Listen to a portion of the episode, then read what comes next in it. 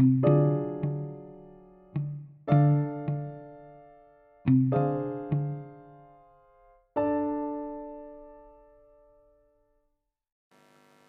lagi di Birama Podcast dan Birama Podcast kali ini akan membahas tentang perang-perang yang terjadi di Indonesia ketika masa penjajahan dahulu. Mungkin ada banyak sekali orang yang mengira bahwa perang di Ponegoro adalah perang yang dahsyat dan terlama karena terjadi di tahun 1825 sampai tahun 1830. Namun ada satu hal yang perlu diingat bahwa ada lagi perang yang sangat dahsyat yaitu perang Aceh yang termasuk dalam salah satu perang terlama karena perang Aceh ini terjadi di tahun 1873 hingga tahun 1904. Mengapa perang Aceh dikategorikan sebagai perang yang dahsyat?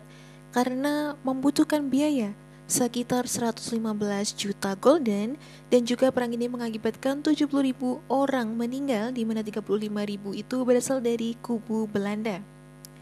Dan ada banyak sekali sebab-sebab perang Aceh. Yang pertama ada Belanda yang pada saat itu ingin menguasai Sumatera. Kemudian ada pula penyebab lainnya yaitu terusan Suez yang dibuka di tahun 1869 dan menjadikan Aceh menjadi tempat penting. Sebab-sebab lainnya perang yaitu karena adanya juga Traktat London di tahun 1824 di mana Belanda dan Inggris membuat ketentuan-ketentuan batas daerah. Dan juga ada perjanjian Siak di mana Delhi, Serdang, dan Langkat mengakui kedaulatan Hindia Belanda. Perang Aceh dibagi menjadi empat fase. Fase yang pertama terjadi di tahun 1873 hingga tahun 1874 di mana Kohler membawa 3.000 pasukan. Namun yang sangat disayangkan pada fase yang pertama ini Kohler harus terbunuh ketika merebutkan Masjid Raya Baitur Rahman. Perang Aceh fase yang kedua di tahun 1874 sampai tahun 1880 di mana Van Sweden mengalahkan rakyat Aceh dan berhasil merebut Masjid Raya.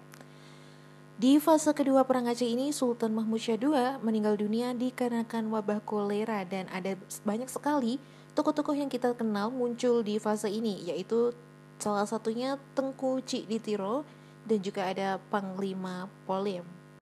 Di fase ketiga Perang Aceh terjadi di tahun 1881 hingga tahun 1896 dan di fase ketiga ini ada Perang Sabil atau Perang Jihad. Pada saat itu Tengku Umar berpura-pura menyerah namun sebenarnya tidak dan kembali melawan Belanda. Dan di fase keempat terjadi di tahun 1896 hingga tahun 1910 di mana di fase ini banyak orang Aceh yang menyerah dan pada akhirnya Aceh takluk kepada Belanda di fase keempat ini.